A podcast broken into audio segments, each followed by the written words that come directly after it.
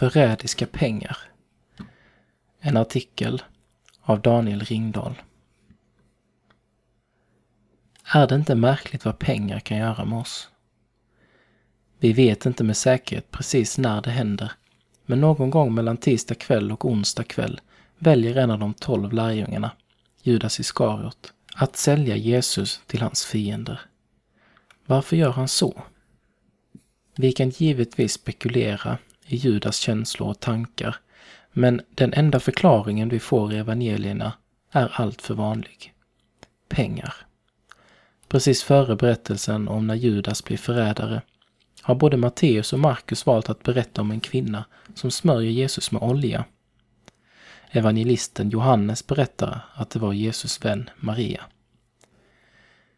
I Johannesevangeliet protesterar Judas mot slöseriet och säger att oljan var värd 300 denarer, vilket motsvarade en hel årslön.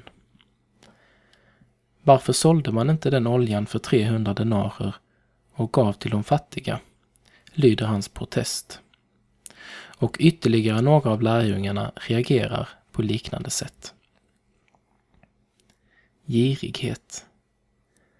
Judas utspel låter omtänksamt, men i själva verket är Judas bara girig. Johannes berättar att Judas är en tjuv som stjäl ur lärjungarnas gemensamma kassa och plötsligt hälls en enorm summa pengar ut över Jesus. Vilken förlust!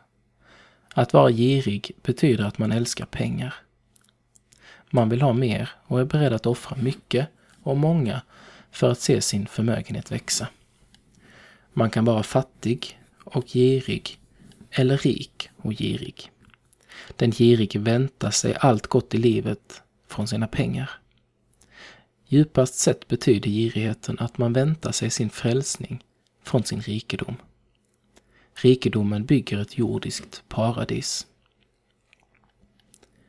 Pengar kan inte frälsa.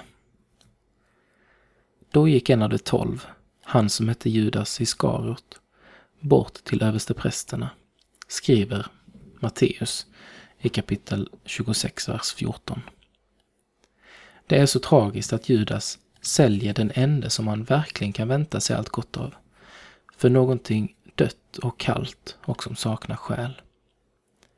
Jesus har tidigare sagt Vad hjälper det en människa om hon vinner hela världen men förlorar sin själ? Och nu personifierar Judas talesättet. Han säljer världens frälsare för en frälsning som blir hans död. Judas får en summa pengar i utbyte mot Jesus och några timmar senare, på torsdagskvällen, kan Jesus gripas. Omkring den tiden grips Judas av djup ånger, lämnar tillbaka pengarna och tar sedan livet av sig. Pengar kan inte frälsa, men Jesus kan. Jesus däremot ger aldrig efter för drömmen om det jordiska paradiset.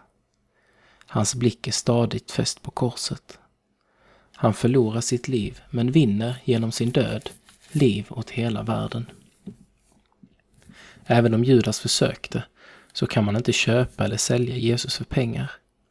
Och det kan man inte heller göra med hans kärlek. Han är försoningen för våra synder, och inte bara för våra, utan också för hela världens.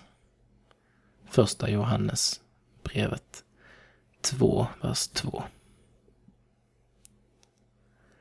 Sång. Han på korset, han alena, är min fröjd och salighet. Ingen kan så väl mig mena, ingen så mitt bästa vet. Ingen är som han mig god, ingen har så tålamod. Sökte jag kring jorden rike, aldrig funne jag hans like.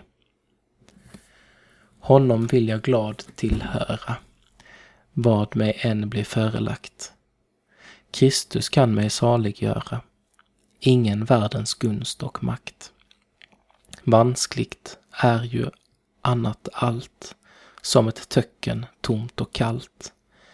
Men den jag vill efterfråga, evig är hans kärleks låga.